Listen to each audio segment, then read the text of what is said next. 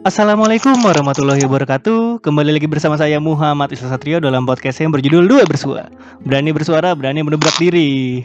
Di episode 23 kali ini seperti biasa eh, Kita karena tetap melakukan upaya PSBB yaitu physical distancing Jadi eh, kita tetap melakukan jaga jarak dengan Ini kita dengan bintang tamu yang teleponan nih lewat WA Namanya Alma. Alma ini pernah diundang juga nih di podcast episode 16 kalau nggak salah Nah, karena Iya Alma kan dong. nah Alma ini kan juga sekarang lagi ngekos di Jogja ya. Yang di hari kemarin juga Iya, tidak tidak bisa tidak bisa apa eh, berlebaran bersama keluarga dan sekarang masih tetap di Jogja karena tetap mematuhi PSBB karena kan juga masuk ke Jakarta susah ya. Apalagi dari Jogja Jakarta Bekasi itu sangat jauh sekali. banget lah tapi gue emang biasa nggak mudik ke Jakarta eh ke Bekasi sih. Oh, gue biasanya ke Klaten ke karena Kla- emang gue asli Jawa kan asli Klaten. Oh. semua keluarga gue tapi gue sekarang pun nggak ke Klaten jadi gue tetap di Jogja. Even cuman deket banget ya Klaten Jogja itu kayak Bekasi Jakarta tapi gue tetap di kos. Nggak Oh. bisa ke Klaten gue Tapi di tahun-tahun sebelumnya itu setiap eh, setiap lebaran itu apakah lu mudik ke Klaten apa ke Bekasi, Mak? Gue selama ngekos di Jogja ini ya gue nggak pernah lebaran di nggak pernah pulang jadi emang eh, biasanya pun dari gue kecil gue kalau lebaran tuh selalu mudik ke Klaten Oh. nah karena sekarang ini ngekos di Jogja kuliah di Jogja udah empat tahun Hmm. jadi gue mudiknya lebih deket gitu jadi cuman kayak dijemput sama ortu gue naik mobil dari Bekasi mampir ke Jogja dulu kan jemput Iya. gue terus habis itu langsung ke Klaten Oh. Nah habis itu gue nggak ikut ke Bekasi, Hmm. gue baliknya ke Jogja gitu. Jadi gue nggak pernah Lebaran. After Lebaran pun gue tetap di sini nggak pernah ke Bekasi. Jadi gue nggak masalah sebenarnya Lebaran nggak di rumah. Oh, jadi mental lu nggak keganggu ya karena tidak bisa lebaran sama keluarga. Seenggaknya dari kemarin-kemarin memang lu nggak pulang ke Bekasi. Cuma ya walaupun itu tetap sayang banget ya karena adanya PSBB ini jatuhnya nggak bisa berkumpul bersama keluarga di Klaten ya, Mak. Iya sebenarnya tuh bukan masalah tempat di mananya ya. Yang penting tuh dengan siapa sih. Asik, asik. Kan tapi lu tetap ini tetap lakukan ini apa namanya? pacaran kan saat lagi ini saat lagi lebaran. Maksudnya ada yang peduli dengan lu ketika lu di kosan sendirian. Dijemput itu ya, Mak? Namanya pacaran mah kapan aja tuh. Anjay. Jadi bah. Waduh, waduh. Iya. Saya yang si saya yang single seperti tidak mengenal arti dijemput kapan aja. Loh, makanya kos pak jangan Waduh. di rumah kan Kan namanya juga kosan ya Iya sih. Cuma kemarin itu eh, sempat maksudnya di kosan lu tuh apakah memang keadaannya sepi karena teman-teman lu juga tiba udah pada mudik atau memang di kosan lu sendiri teman-teman yang kosan sekosan sama lu juga itu juga tetap melakukan apa social distancing jadinya memang tetap di kosan, Mbak. gini gue ceritanya nih cukup panjang nih jadi nih langsung masuk ke segmen dua aja kali ya biar Hmm. cerita dari awal sampai kenapa gue bisa ada di sekarang Oh. jadi Hmm. eh gimana lanjut Oke oke oke. Nah, jadi kan eh, karena lu tetap di kos dan sebenarnya lu tetap melakukan eh, upaya physical distancing cuma karena mungkin eh, lu ada rasa kangen sama pacar jadi tetap melakukan ini ya tetap pacaran di saat lebaran karena kan juga silaturahmi sama pacar ya mak tetap menikmati rasa opor dan ketupat iya jadi gini gue cerita dulu kali ya Cerita aja, dari Mak. awal ya Cerita aja. istilah ya ceritanya ceritanya udah pada bingung gue tuh dari awal dari bulan Maret begitu corona lagi heboh hebohnya nih di Hmm. Indonesia itu tuh awalnya gue baik-baik aja di kos gue jadi kos gue ini ada di eh namanya Palagan ya daerah Palagan Hmm. itu kos lama jadi sebenarnya gue udah pindah sekarang gue udah gak ngekos di situ lagi sekarang oh Kenapa gue bisa pindah? Karena jadi setelah corona begitu heboh, warga di, di Palagan itu, kos gue yang di Palagan itu, heboh tuh mereka mulai pada oh nge-lockdown, gitu udah gitu. eh gue takut gitu, gue takut karena di kos gue tuh nggak ada kulkas terus gue nggak bisa lepas dari GoFood nggak bisa lepas dari beli Hmm. makan di luarnya namanya juga kos ya kan Iya. ya udah tuh akhirnya gue memutuskan untuk ke Klaten ke rumah Oh, mbah gue Oke oke. waktu itu belum belum cegatan belum dijagain polisi dan segala macam jadi gue ke Klaten itu lama tuh. Hmm. sekitar tiga minggu empat minggu lah gue di sana.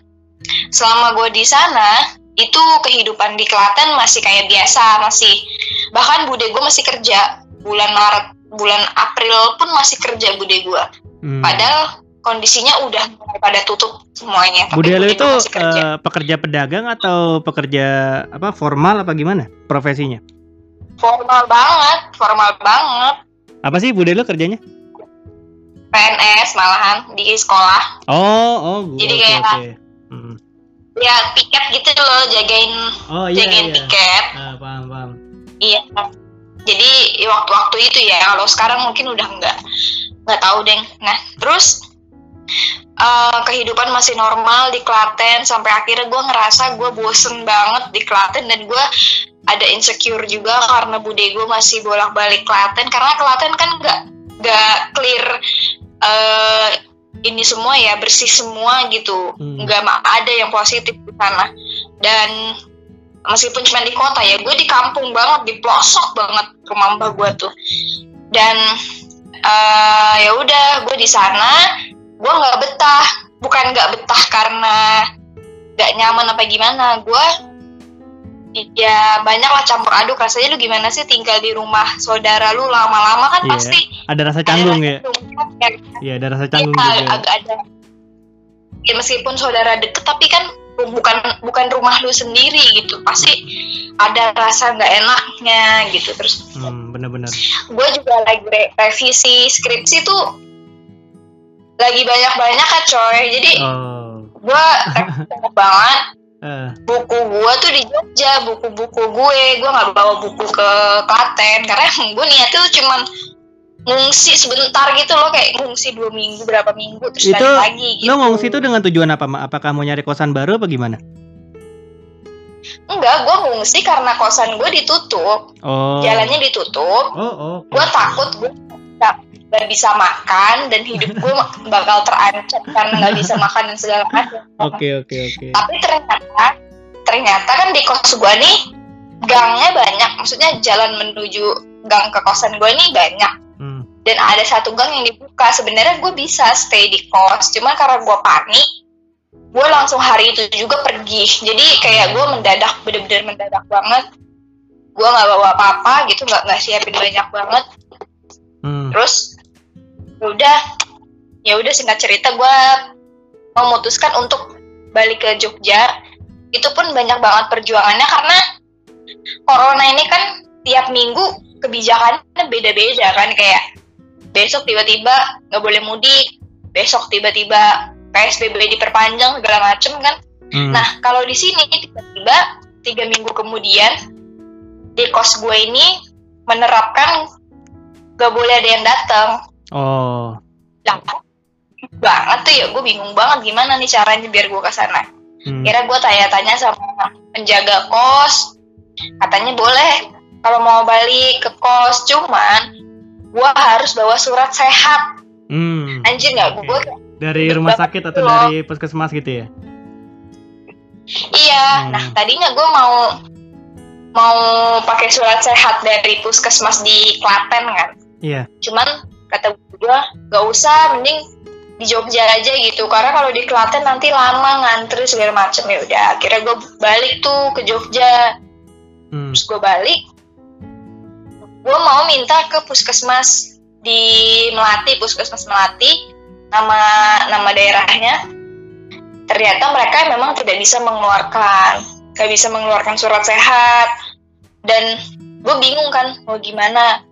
Gue ke kimia farma tuh kan ada dokternya nggak bisa Hmm. juga mereka nggak mau.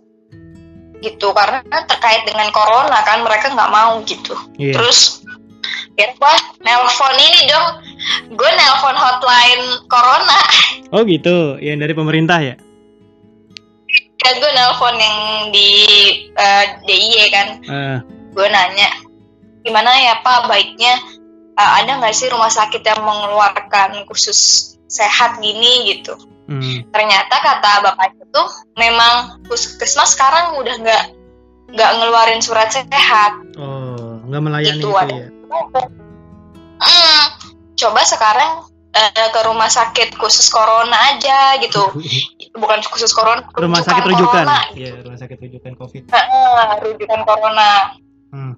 ya udah karena hari udah sore eh gue nggak sempet eh, nggak nyari suratnya gue nggak bisa juga ke, ke kosan gue dan gue nggak bisa balik ke Klaten akhirnya tau nggak gue tuh nyewa kos harian coba Per hari bayarnya itu. iya Buset. daripada gue masa nginep di kos Kaya sekali bisa aja nginep di Rich girl. ya masa gue nginep di cowok gue ya Iya, kan benar-benar.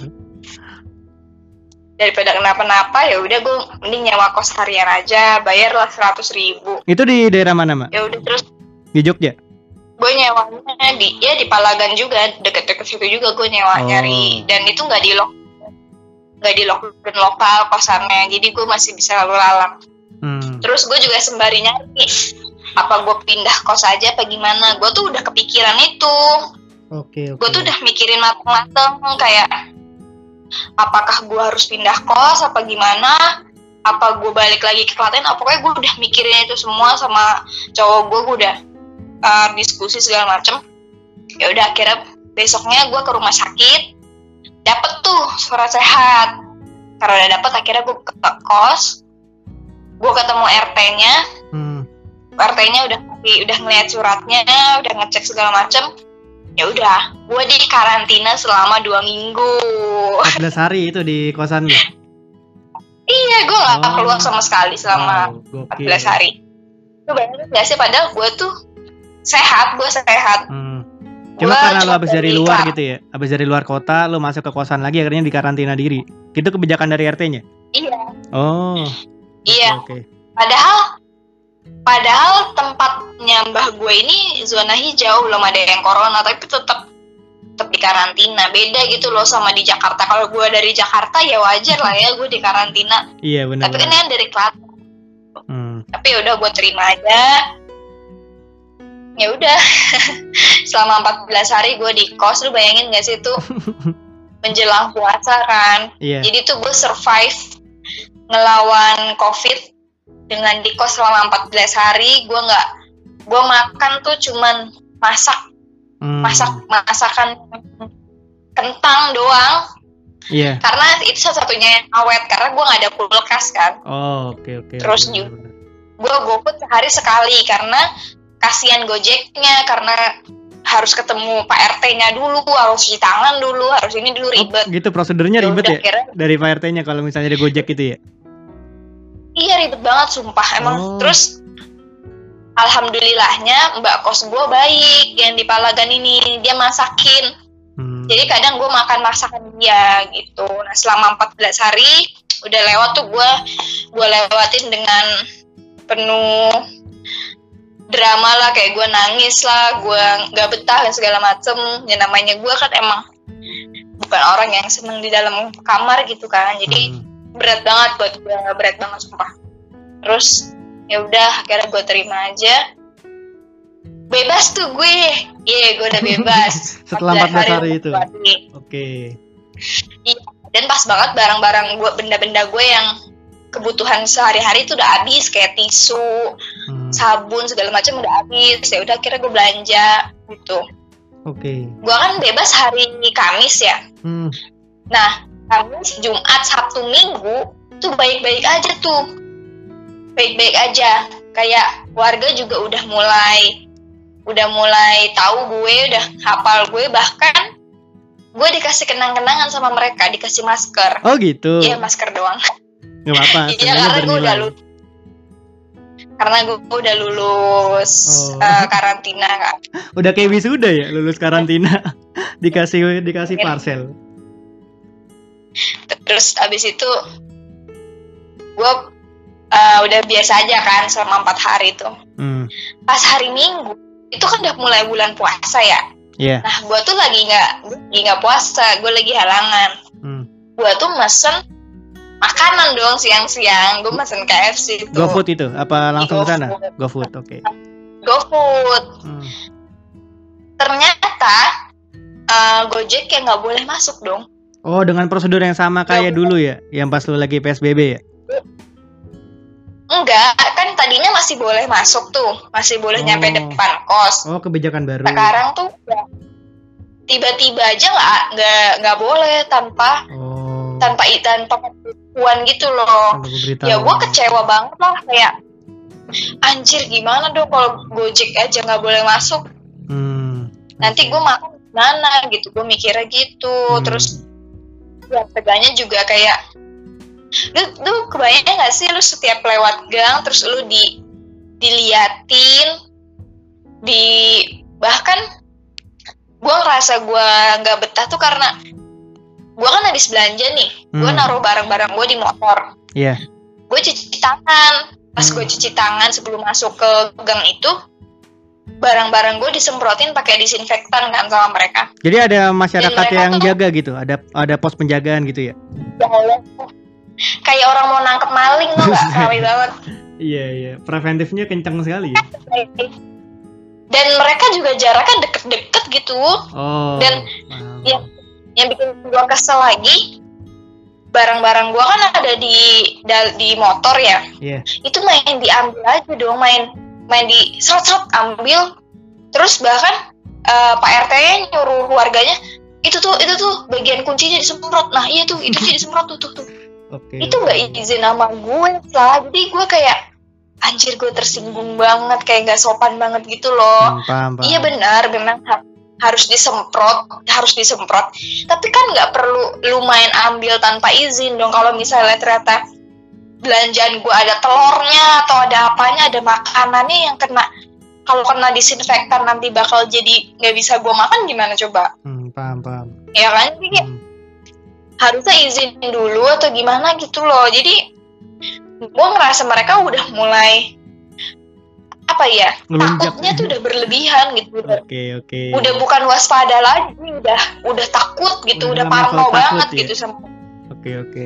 iya dan tadinya ada satu gang yang gue masih bisa jalan kaki jadi gue masih bisa keluar tuh nggak ngelewatin mereka gitu Hmm. terus sekarang gangnya tuh bener-bener ditutup rapat banget anjir nggak kayak gue bener-bener nggak bisa lewat Eh, terus yang bikin gue kesel lagi sebelah kos gue itu kan lapangan ya iya. itu mereka kalau malam main badminton coy Mereka tuh nggak menerapkan upaya jaga jarak gitu. Padahal dalam RT-nya sendiri sebenarnya ketat penjagaan untuk orang luar ya. iya jadi untuk orang luar mau masuk tuh susah Hmm. bahkan gue sendiri yang bukan orang sana kayak diliatin terus gitu Iya, tapi paham. mereka sendiri begitu gitu loh Hmm. Sama kok keda- Kayak- keadaannya kayak di Jakarta itu. Hmm, keadaannya sama iya iya. kayak gitu juga ya. Iya, di Jakarta rata-rata kalau gang lockdown tapi rata-rata orang-orang di sana pada ngumpul, pada ya pada main-main Hmm. juga. Sama lah. Ayo lanjut, Mbak. Iya, jadi eh, karena gue udah udah capek banget kan sama drama lockdown lockdown ini kan. Jadi sekarang eh, tadinya kan cowok gue masih bisa nganterin gue sampai depan kos ya. Iya. Nah itu kalau mau ke kos gue harus tinggal KTP. Oh gitu. Gila nggak? kayak kayak ada apa aja gitu loh di sana. Padahal di sana juga nggak ada yang positif kata gue. Eh, terus rajin banget disiramin disinfektan segala macam oh, paham. paham. ya gue nggak apa-apa maksud gue maksud gue gue nggak apa-apa kalau misalnya lu se sewaspada itu tapi ya jangan sampai mempersulit orang lain gitu jangan sampai berlebihan gitu nah Hmm. gue juga sadar gue nggak bisa ngikutin peraturan mereka gitu Hmm. karena gue harus mobile kan harus belanja harus makan di di kosan nggak ada kulkas terus gue harus ngerjain skripsi gitu dan Iya, nggak bisa lah pokoknya gue cuman di di kos doang gitu. Kira gue memutuskan untuk pindah besoknya hari Seninnya gue pindah. Oke, oke. Gue udah ini begitu gue keluar, begitu gue keluar dari kosan itu tuh gue udah survei kos Hmm. jadi gue orangnya emang well gue well prepare banget jadi gue udah nyiapin kos mana aja yang kira-kira mau gue survei terus yang kira-kira enak nyaman gak di lockdown terus uh, warganya juga lingkungannya enak gitu nggak nggak ngeselin gitu Ah, ya udah akhirnya gue dapet di sini di daerah uh, Kaliurang jalan Kaliurang berapa Jadi- jauh tuh jaraknya sama kosan yang lama? ya lumayan lah gitu nggak ter kenapa Oh iya, iya, lanjut lanjut. kenapa Lanjut lanjut. Iya, jadi ya udah. Akhirnya gue pindah ke sini. Eh, pas mau pindah pun drama. Jadi satu lagi alasan kenapa gue mau pindah, Iya, karena gue di kos yang di Pamudan itu gue cuma sendiri. nggak ada temen yang gitu. Ada gue Oh. sendiri sama mbak kos gue. Oh. Dan mbak kos gue saat itu lagi mudik ke Bantul. Oh gitu. Jadi gue di kosan sendiri, coy. Dan apalagi kosan gue lagi dibangun, lagi ada benerin kamar itu, lagi ngecat segala macem. Gue harus ngebukain pintu tukang. Lu bayangin gak sih gue cewek sendirian di kos itu berduaan doang sama tukang nggak ada yang jagain kan ngeri banget ya jadi Iya benar-benar. nggak ada teman dan nggak ada yang jagain gitu jadi alasan kenapa gue harus pindah dan emang harusnya pindah gitu ya udah akhirnya gue Hmm. pindah udah pokoknya gue nggak nggak nggak pamitan sama rt nggak apa udah gue pindah ya udah akhirnya gue di sini sampai saat ini dan Oh, gue di sini oke. ngerasa nyaman banget sih kak kosnya lebih bagus masih Hmm. baru juga terus enak banget lah kalau lu apalagi kan lagi covid kayak gini butuh di kos terus kan Iya. jadi jadi ada kulkasnya jadi ada Oh, mesin cucinya jadi ya enak aja gitu kosnya jadi gue nggak perlu keluar keluar lagi gitu. Di kosan yang baru ini ada teman juga, Mbak? Apa tetap sama seperti yang dulu? Nggak, maksudnya di sana ya kosannya cuma lu sama ibu kosnya doang. nah yang di sini modelnya itu rumah Hmm. ada ada rumah ibu kos juga dan ada mbak kos lain yang tinggal di sini jadi gue nggak sendiri sendiri banget Oh, oke oke oke. meskipun gue nggak kenal meskipun gue nggak kenal sama mereka tapi mereka nyapa mereka baik Hmm. bahkan ngobrol sama gue karena mereka udah kerja juga kan jadi kayak ya baik aja gitu Oke, Pak. Dan- dan nggak sendiri sendiri banget itu loh rasanya jadi gue nggak takut Hmm. di sini jadi nggak sendiri sendiri banget Oh, gitu. Oke oke oke. Sebenarnya mungkin juga sa- keadaannya mungkin ada beberapa yang sama juga ya di beberapa kosan juga ya yang menerapkan prosedur yang mungkin sangat ketat yang bahkan yang bisa kita cap sebagai rasa takut juga ya karena terlalu ribet prosedurnya. Lalu juga ada juga yang kosannya juga memang nggak punya teman dan faktor keamanan juga yang membuat lu juga harus pindah ya, Mbak. Karena kan karena lu cuma sendiri terus ada tukang juga itu menjadi faktor keamanan yang harus diwaspadain kan. Iya kalau misalnya di lockdown gitu tapi warganya tertib maksudnya Hmm. nggak berlebihan nggak ngumpul-ngumpul gue nggak apa-apa gitu soalnya mereka standar ganda nih anjir gue gokil. Iya, emang sih pas gue mau pindah pun gue dinasehatin sama eh, pemilik kosnya. Bahkan gue sampai ditelepon kayak, loh mbak kenapa tiba-tiba mau pindah kenapa gitu. Terus Hmm. gue jelasin, "Em, soalnya saya nggak yakin saya bisa matuhin peraturan di sini. Gue bilang gitu. Oh, Karena alasannya gue nggak bisa, gue nggak bisa hidup dengan peraturan yang yang begini banget. Ya, gue gue waspada dengan corona. Gue gue nggak apa-apa gitu dengan ini semua. Cuman berlebihannya itu gue nggak bisa terima gitu. Apalagi mereka masih ngumpul-ngumpul dan segala macem. Oh, Sama aja bohong gitu. Gue nyari tempat yang emang proper yang yang enak buat karantina diri sendiri gitu. Jadi gue punya kulkas, gue bisa nyimpan nugget, gue bisa nyimpan Hmm. sosis Makanan jangka gitu. panjang ya. Seenggaknya kalau memang Iya, jadi gua- dan gak ada orang luar yang masuk tuh kita bisa menyimpan makanan jangka panjang. Karena kan di kosan lama lu gak ada kulkas kan? Iya, gue makan kentang mulu capek coy. Memang orang-orang orang-orang Eropa gini nih makanya kentang. Mending ya kentang, kentang sama nasi. Ya karbo sama karbo dong. Tapi gue penasaran deh, Mak. Lu kan menjalani kemarin setelah lu pulang dari Klaten ke kosan lama lu kan lu menjalani karantina diri selama dua, dua minggu ya? Iya. Itu yang lu rasain kayak gimana, Mak? Karena kan gue sebagai gue kan eh, ikut kegiatan-kegiatan sosial, jadinya untuk di rumah dua minggu tuh gue belum pernah. Maksudnya ya tetap mematuhi selama karantina di dua minggu tuh gue belum pernah. Jadi gue tetap melakukan kegiatan di luar. Kalau lu nih selama dua minggu, apalagi karena lu memang orang yang gak bertahan di rumah, eh, apa yang lu rasain gitu selama dua minggu, Mak? Gue sakit anjir. Sakit-sakit fisik itu apa sakit mental? Iya dua-duanya. Jadi gue nih eh, kalau nggak keluar, kalau gue nggak badan gue nggak dipakai gerak, Hmm. gue sakit. Oh, oh paham. Jadi- Ada tipe orang yang kalau misalnya dia diem doang tuh dia bakal sakit karena karena nggak kena matahari, Hmm. nggak bergerak, keringetan kan di kamar terus kan nggak nggak bagus juga atau di kamar doang gitu kan nggak bagus gitu udaranya juga nggak nggak bersih ya meskipun gue tiap pagi gue berjemur jadi depan kamar gue tuh ada jendela gede gue berjemur tiap pagi Oh. Oke, nah. tapi kan tetap gue nggak gue nggak keringetan gitu gue nggak keluar gue nggak berinteraksi sama orang ya itu nyiksa gue banget sih Hmm. gitu tapi gue udah udah membuat keputusan meninggalkan rumah mbah gue ke Klaten eh dari Klaten ke Jogja gue udah siap sama semua eh, akibatnya gue udah gak menyesal sih meskipun Hmm. gue dapat perlakuan seperti itu gue gue sakit tapi gue nggak nyesel biasa aja dan gue Oh, juga oke, oke. berobat lewat halodoc kan dikasih Hmm. obat gitu-gitu Iya, paracetamol berobat online. gue juga takut gue corona anjir gue takut banget sumpah Tapi lu pernah menunjukkan gejala gitu nggak? Setelah lu dari Klaten ke Jogja, beberapa lama menunjukkan gejala pilek kah? Atau pusing atau demam? Atau nyesek-nyesek?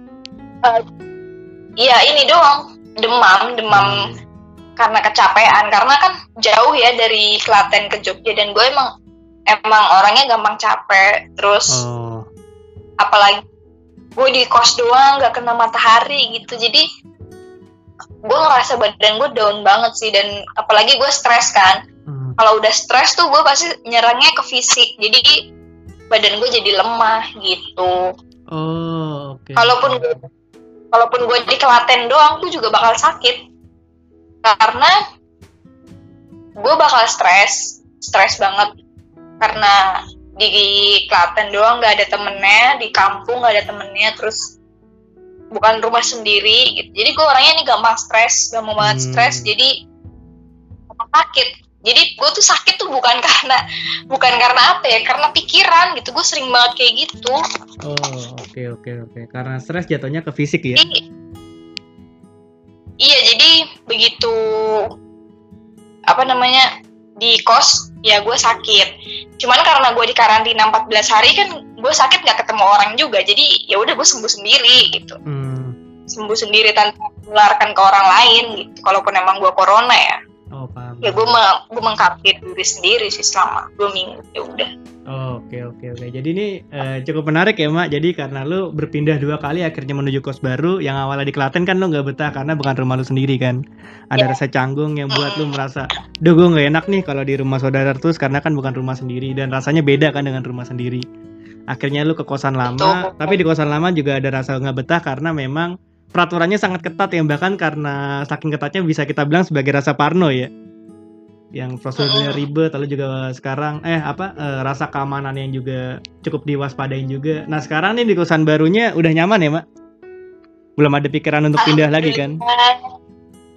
Enggak sih. Ini gue rasa ini harga yang apa sih yang gue dapet nih sebanding banget gitu. hmm.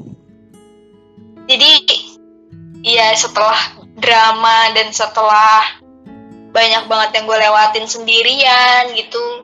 Jadi ya ini yang ini gue bisa mendapatkan ini semua sekarang. Jadi oh. ya ada kemudahan aja sih. gitu. hmm. bener-bener bener dan sebenarnya emang gue dari dari awal corona itu tuh gue udah mau pindah sebelum gue ke Klaten tuh gue udah mau pindah oh karena oke. nggak ada kulkas Oh, problem Gua tuh udah utamanya nggak kulkas ya. Oke, oke. gue tuh udah mikir sampai ke situ gue udah mikir ini kos gak ada kulkas Hmm. gue mau karantina diri sendiri di kos gimana caranya Gak bisa gue harus keluar Hmm. gue harus beli makan gitu Gak bisa gue kalau di nggak ada kulkas gitu gue Oh. udah kalau- minta banyak Kalau sekarang itu gue minta adanya kulkas pribadi per kamar atau kulkas eh lo ini ya bentuknya rumahan ya? Iya kalau yang Oh. sekarang kulkas umum Oh kulkas umum, cuma tetap ya tetap ada rasa untungnya karena bisa jadi penyimpan makanan jangka panjang ya. Jadi nggak makan Mm-mm. kentang doang.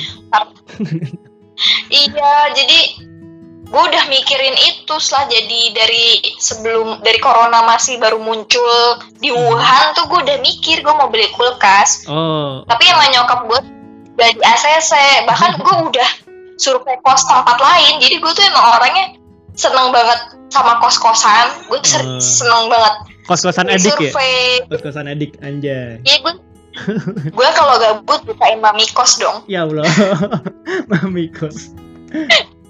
Ini paguyuban kulkas, eh pa- paguyuban kos-kosan adik anjay. jadi gue seneng banget sih. Gue nih udah pindah berapa kali? Udah pindah lima kali kali gue pindah kos Lima kali selama kuliah di sana, selama kuliah di Jogja. Oh, iya kuliah empat tahun pindah lima kali. Aja set. nah, gue nggak ngerasa itu sebagai gue nggak ngerasa itu sebagai apa ya kekurangan gue nggak sih? Karena gue Hmm. orangnya seneng sama hal baru. Gue seneng oh, sama gitu. uh, desain desain kamar gitu gue seneng. Jadi gue seneng aja gitu kalau pindah-pindah Oh, ada rasa baru ya. berat. Ada hal baru yang bisa lo lihat sebagai wah ternyata tempat tinggal gue kayak gini. Wih ada desain yang berbeda dari sebelumnya gitu ya, Mak. Rasa-rasa itu ya. Iya coy Umpung masih muda, umpung masih kuliah kan, belum Hmm. punya rumah sendiri, ya nikmatin aja, Nikmatin rumah orang. suasana baru. Bener-bener. Iya, orang, orang kan mikir, ih, ih lu ngapain sih pindah-pindah? Emang gak capek? Enggak, gak capek gue pindah. Tapi adaptasinya gimana, Mak? Kan kalau pindah kosan berarti pindah eh, pindah circle pertemanan atau circle lingkungan sosial kan. Lo cara adaptasinya cepat gitu dari lima kosan itu. Gue cepet sih, alhamdulillah gue orangnya, eh, ya pasti setiap kos ada problemnya. Cuman Hmm. kalau sekarang gue nyari kos yang pertama tuh yang jauh dari kampus nggak deket-deket banget jadi circle-nya beda bukan Oh. circle teman-teman dan gue nyari yang nggak ada anak kampus gue Hmm. jadi mereka nggak tahu gue nggak kos di mana gitu. gitu. jadi gue lebih nyaman kayak gitu Jadi yang tahu cuma lu kan ada yang ya? iya ada orang yang kalau nggak kos tuh bergantung banget sama temennya kayak eh si ini pindah ah, aku ikutan pindah ah sama Iya, dia gitu. Bener-bener. Hmm. gue nggak Hmm. Awal-awal iya awal-awal gue nggak kos sama sahabat gue Hmm. terus gue pindah gue nggak kos sama teman kampus Hmm. terus gue pindah lagi kos berdua sama saudara gue Hmm. terus gue pindah lagi ngekos sendiri terus gue ngekos sendiri lagi gitu. Oke oke. Kalau dari obrolan kita di podcast sebelumnya sih, gue udah nggak heran ya kenapa lo bisa berpikiran seperti ini mencari lingkungan baru dan gak bergantung sama teman kuliah ya. iya gue mah gue tuh males banget bergantung sama orang jadi Bener-bener. udah biarin aja gitu Tapi bagus sih mak. Seenggaknya lo tidak ada rasa ketergantungan, jadi lo bisa mengandalkan diri sendiri kan. Apalagi untuk adaptasi juga termasuk iya eh, apa prosedur yang cukup ribet tuh kalau orang yang nggak bisa adaptasi tapi harus pindah-pindah kos. Hmm. Pasti mengurung diri iya terus. memang ada beberapa orang yang nggak mau pindah karena udah nyaman kan sama lingkungannya Iya benar. kalau gue bukan kalau gue bukan karena nyaman karena gue pengen pengen pindah aja gitu pengen pengen kamar yang baru Hmm. gitu emang ya gitu deh aneh emang gue Hmm. Iya bagus sih pak. Maksudnya ya lu mendapatkan beberapa relasi walaupun gua di- bisa nggak bisa disebut relasi profesi, cuma relasi secara lingkungan kan. Sengaja lu kenal banyak orang di sana. Iya. Jadi kalau nanti untuk masa depan lu butuh sesuatu yang berkaitan dengan kos, bisa lah kontak-kontakan Alma anjay. Nah, yang jelas jadi ada pengalaman dong. Pengalaman Yoi. ngekos di sini masalahnya ini. Ngekos di sini masalahnya begini. Jadi besok besok kalau gue nyari rumah gue nyari tempat yang permanen gue bakal tinggal di situ sampai tua ya gue tahu apa aja yang harus gue perhatikan kayak. Hmm. jangan cari rumah yang eh, misalnya di dalam perkampungan yang orangnya takutan banget gitu gak open Oke Eh. oke. keren gitu gak mau gue Hmm. atau jangan cari kosan yang klaster eh jangan nyari rumah yang klasternya kecil gitu Hmm. jadi lu nggak bisa parkir gitu Oke. atau misalnya ada tamu mau parkir susah karena klasternya Hmm. kecil gitu ya jangan nyari rumah yang begitu jadi udah banyak banget sih gue apa hal-hal yang pernah gue laluin kayak Hmm. teman-teman gue datang nggak ada parkiran diomelin sama tetangga sebelah karena parkirnya berantakan segala macam pernah ditegur kayak gitu Oh, Oke oke. Tapi yakin mak, lu mau nyari tempat permanen mak? Kayaknya kalau dari pengalaman lu, lu nggak bisa nyari tempat permanen mak. Lu bakal nggak, lu bakal nggak betah mak. ya kalau udah berkeluarga beda cerita dong masih muda masih, Siapa tahu. masih Kan, 22 tahun kan banyak keluarga juga yang nggak punya rumah permanen mak, yang pindah-pindah juga mak, karena profesi atau karena dinas misalnya. Ya nggak apa-apa kalau itu Anjay. eh, gue mau nanya deh, gue penasaran sama daerah Jogja sekarang mak, karena kan Jogja setahu gue kan sebagai destinasi yang selalu ramai, apalagi di Malioboro kan. iya Pas corona gini, eh, dampaknya cukup signifikan nggak terhadap keramaian di Jogja mak? kalau dibilang sepi mah sepi ya tuh ya kayak Hmm. apalagi biasanya Jogja kalau lebaran tuh pasti macet Hmm. Jadi biasanya gue kalau meskipun gue lebaran di Klaten kan saudara-saudara gue mau wisata ke Jogja Iya. jangan di Klaten kan beli oleh-olehnya dikit gitu kan jadi ke Jogja gitu main ke Jogja itu biasanya macet coy bener-bener Oh. macet Oke oke. sekarang bener-bener sepi bener-bener ya sepi aja Hmm. toko-toko pada tutup terus Hmm. kafe tutup nggak bisa nongkrong lagi ya? tapi tau gak sih Kenapa tadi kan gue kan iseng ya jalan-jalan ya Iya. sama cowok gue Naik motor apa jalan kaki? ya naik motor dong bro Oh, gue kira jalan, maksudnya jalan-jalan jalan beneran secara harfiah. gimana Nggak, gue gimana? naik motor Eh, gue keliling Jogja sampai dari gue kan di utara ya Iya. di deket Merapi malah gue lebih deket ke. Merapi daripada ke kota. Hmm. itu gue ke daerah selatan sampai ke alun-alun sampai ke alun-alun selatan. Gila rame coy Malioboro.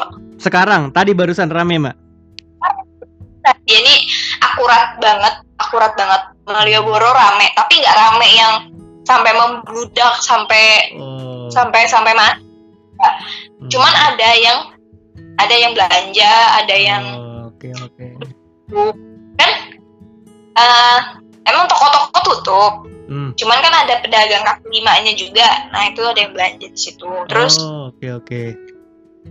terus kan bangku-bangku di pedestriannya itu kan disilang-silangin ya buat Iya. physical distancing gitu Hmm, tuh. kayak di bank juga kayak itu gitu. udah Udah hilang. itu didudukin udah Tidak peduli dengan la- lambang silang ya.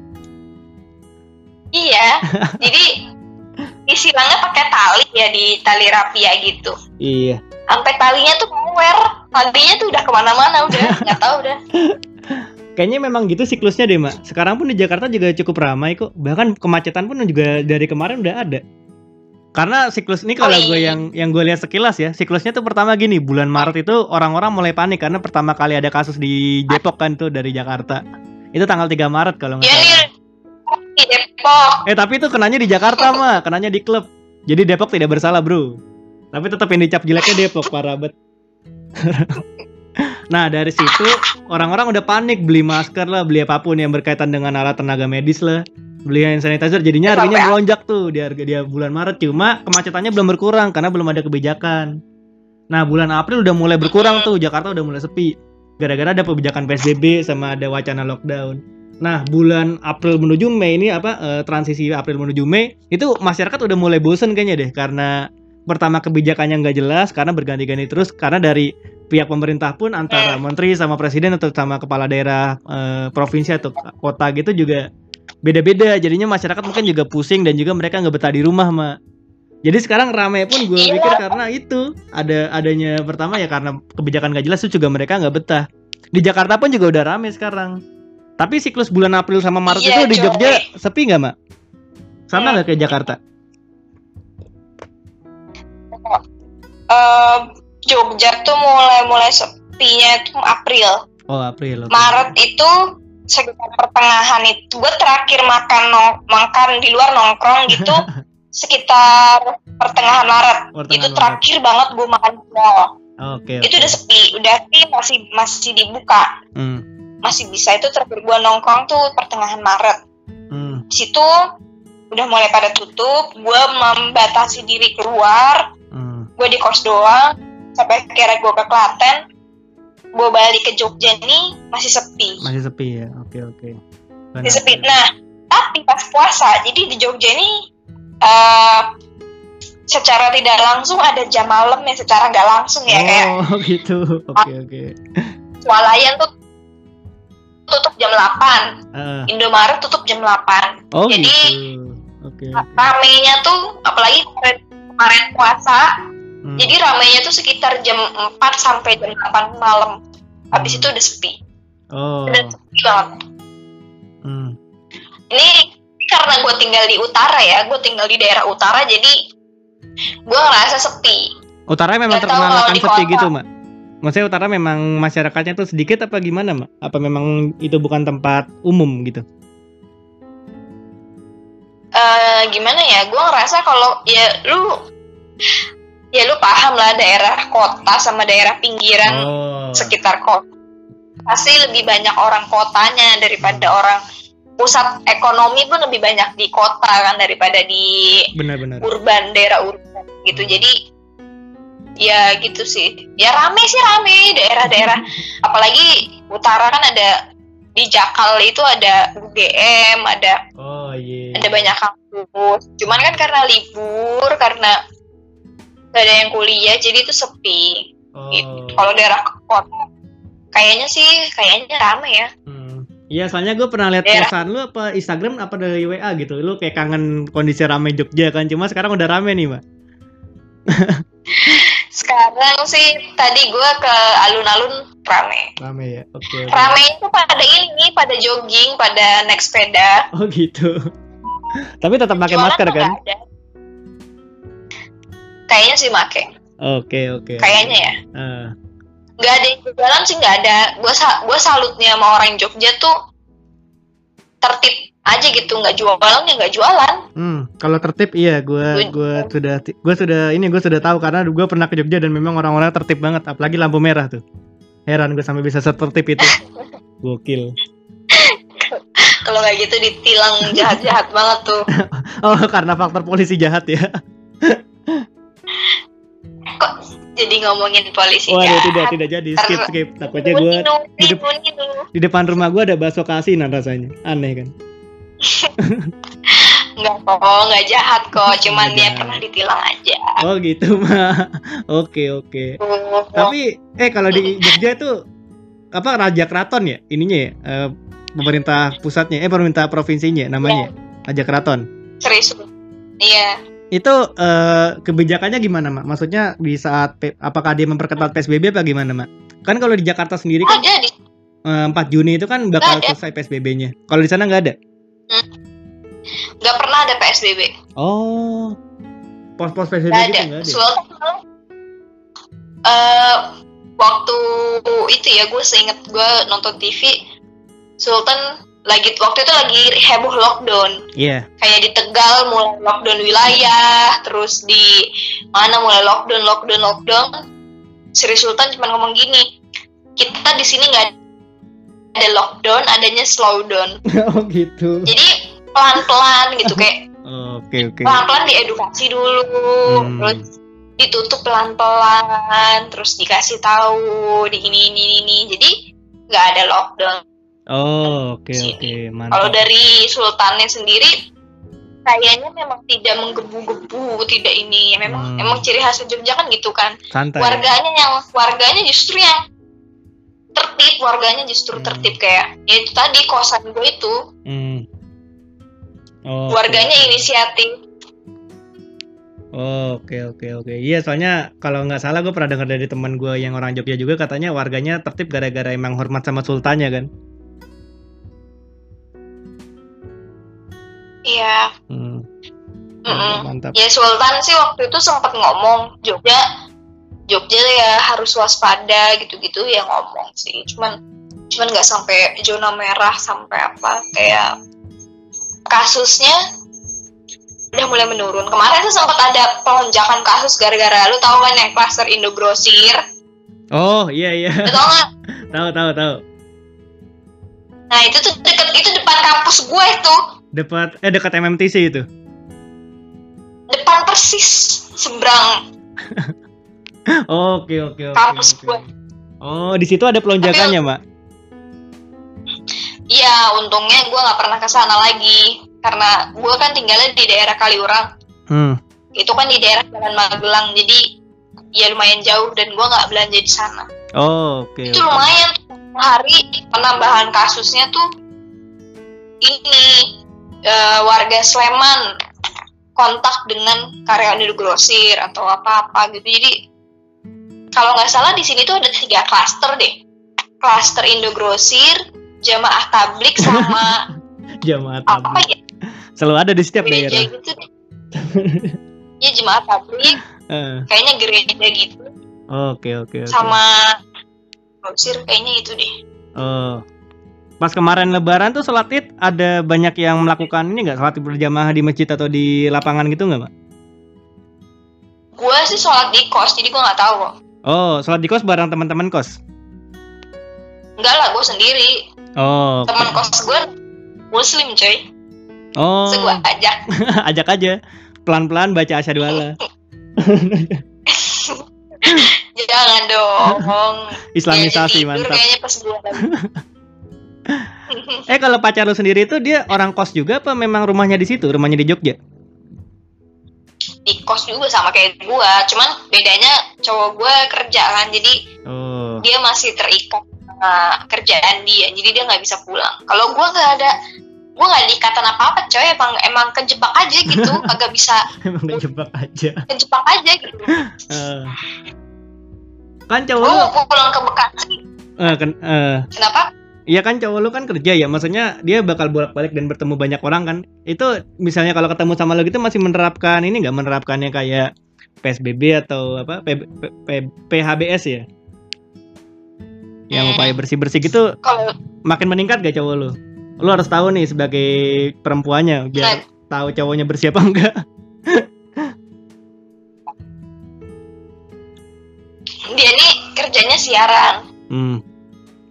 penyiar radio jadi justru kontak sama orangnya sedikit Oh, oke oke. gitu oh, jadi eh, kadang satu studio tuh isinya cuma dia doang atau berdua doang gitu dan dia selalu gue bekalin hand sanitizer sih Mantap.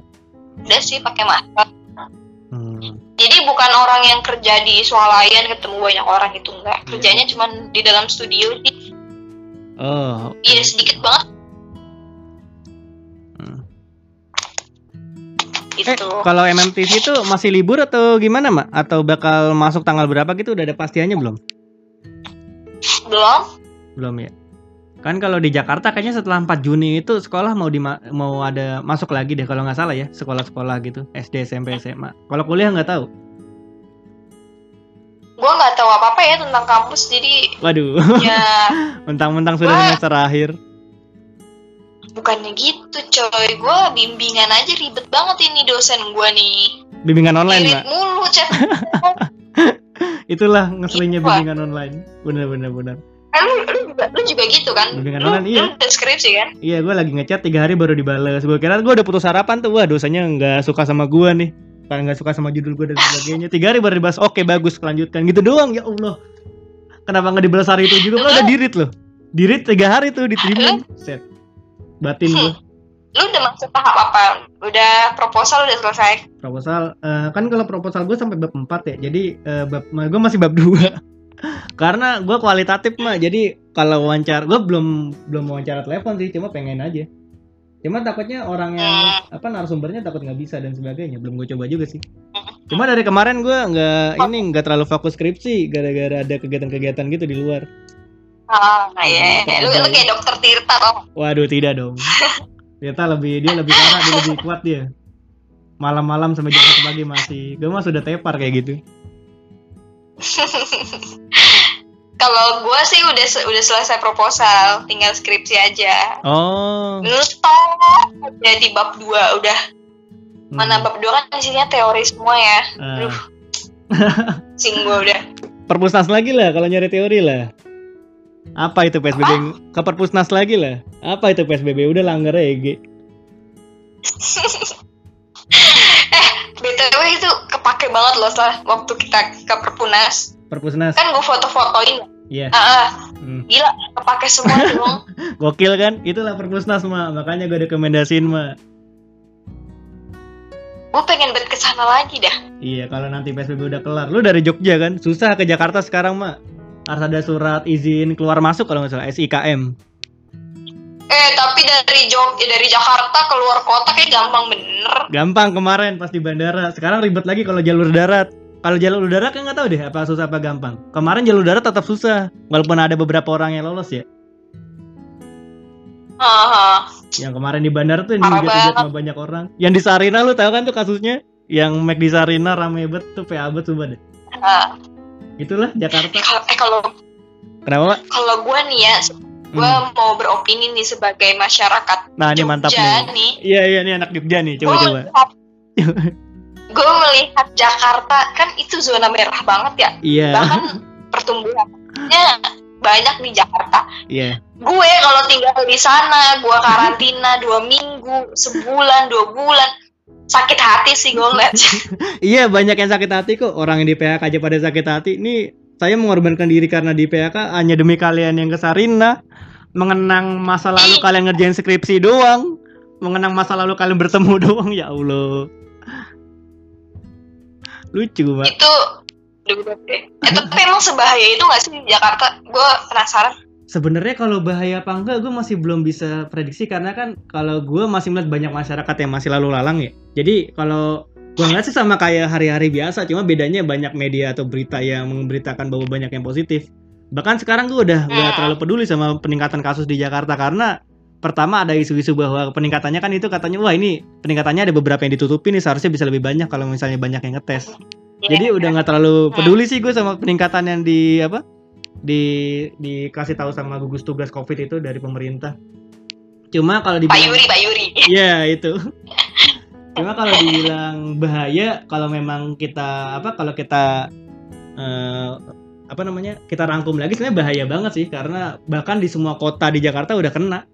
Semua semua daerah kelurahan atau ini udah banyak yang kena walaupun ada satu dua kota yang cuma satu orang cuma bahaya kayak gitu. Apalagi kan sekarang eh, di Jakarta tuh paling besar di Petamburan ya. Gue pernah kegiatan di Petamburan. Cuma alhamdulillahnya selama 14 hari itu gue nggak ada gejala apa-apa. Hmm, hmm. tapi itu mencekam gak sih? Kayak tiba-tiba banyak ambulan Oh, enggak. atau ada orang putih-putih Nggak. gitu, iya gak sih? itu kalau lu ke rumah sakit gue pernah ke rumah sakit itu masuk ke gue ngeliat lewat IGD-nya aja udah serem banget cuma kalau di luar dari apa rumah sakit rujukan gitu udah kayak biasa mak sebenarnya biasa aja sih kalau memang lu nggak masuk ke bagian-bagian pentingnya apa COVID-19 kayak di rumah sakit atau tenaga medis dan lain-lain Hmm, iya. Gue kemarin diceritain sama budenya cowok gue hmm, waktu lagi silaturahmi kemarin hmm, karena deket kan rumahnya. iya Itu dia katanya waktu itu lagi outbreak banget bener-bener baru pertama di Hmm, Jogja. iya. Baru ini.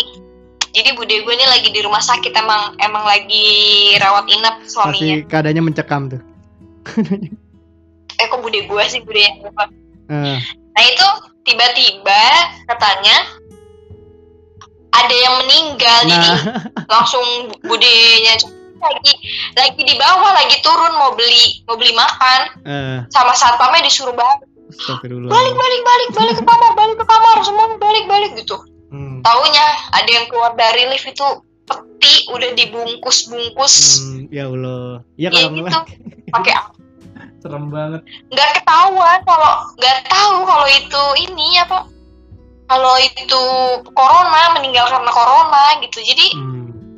mungkin bukan di ruang isolasi kali ya jadi orang panik gitu ngeliat orang lagi mau beli makan disuruh masuk semua langsung Oh. kantin tutup katanya gitu kayak kayak kantin tutup ini tutup semua langsung pada disuruh masuk ke kamar Ah, nggak boleh ada yang jadi kejebak gitu kayak hmm. udah mulai pa- panik banget karena ternyata ada yang meninggal karena corona di sana gitu. Iya. tapi setelah itu udah mulai terbiasa udah mulai bisa tahu flow-nya jadi udah biasa aja sih Oh, oke oke. Ya itu sih sebenarnya awal-awal di, Jak- di Jakarta juga kayak gitu. Di awal-awal panik cuma lama-lama ah masa bodoh. Sekarang banyak yang langgar juga ya udah. eh di sana udah banyak hand sanitizer Udah banyak. Sekarang harga udah murah-murah. Hand sanitizer di Indomaret cuma 20 sampai 15 ribu. Nggak semahal dulu pas Maret. Penimbunnya sudah pada rugi. iya Kasihan sekali. Itu itu kocak banget sumpah penimbun penimbun itu udah Iya. Lucu deh itu kasusnya, Mak. Penimbun-penimbun dari Maret dia merasa bahwa wah, sepertinya masker ini akan bertahan lama harganya. Eh, bulan April udah ada masker kain boleh digunakan. Ya, tidak jadi. tapi bagus.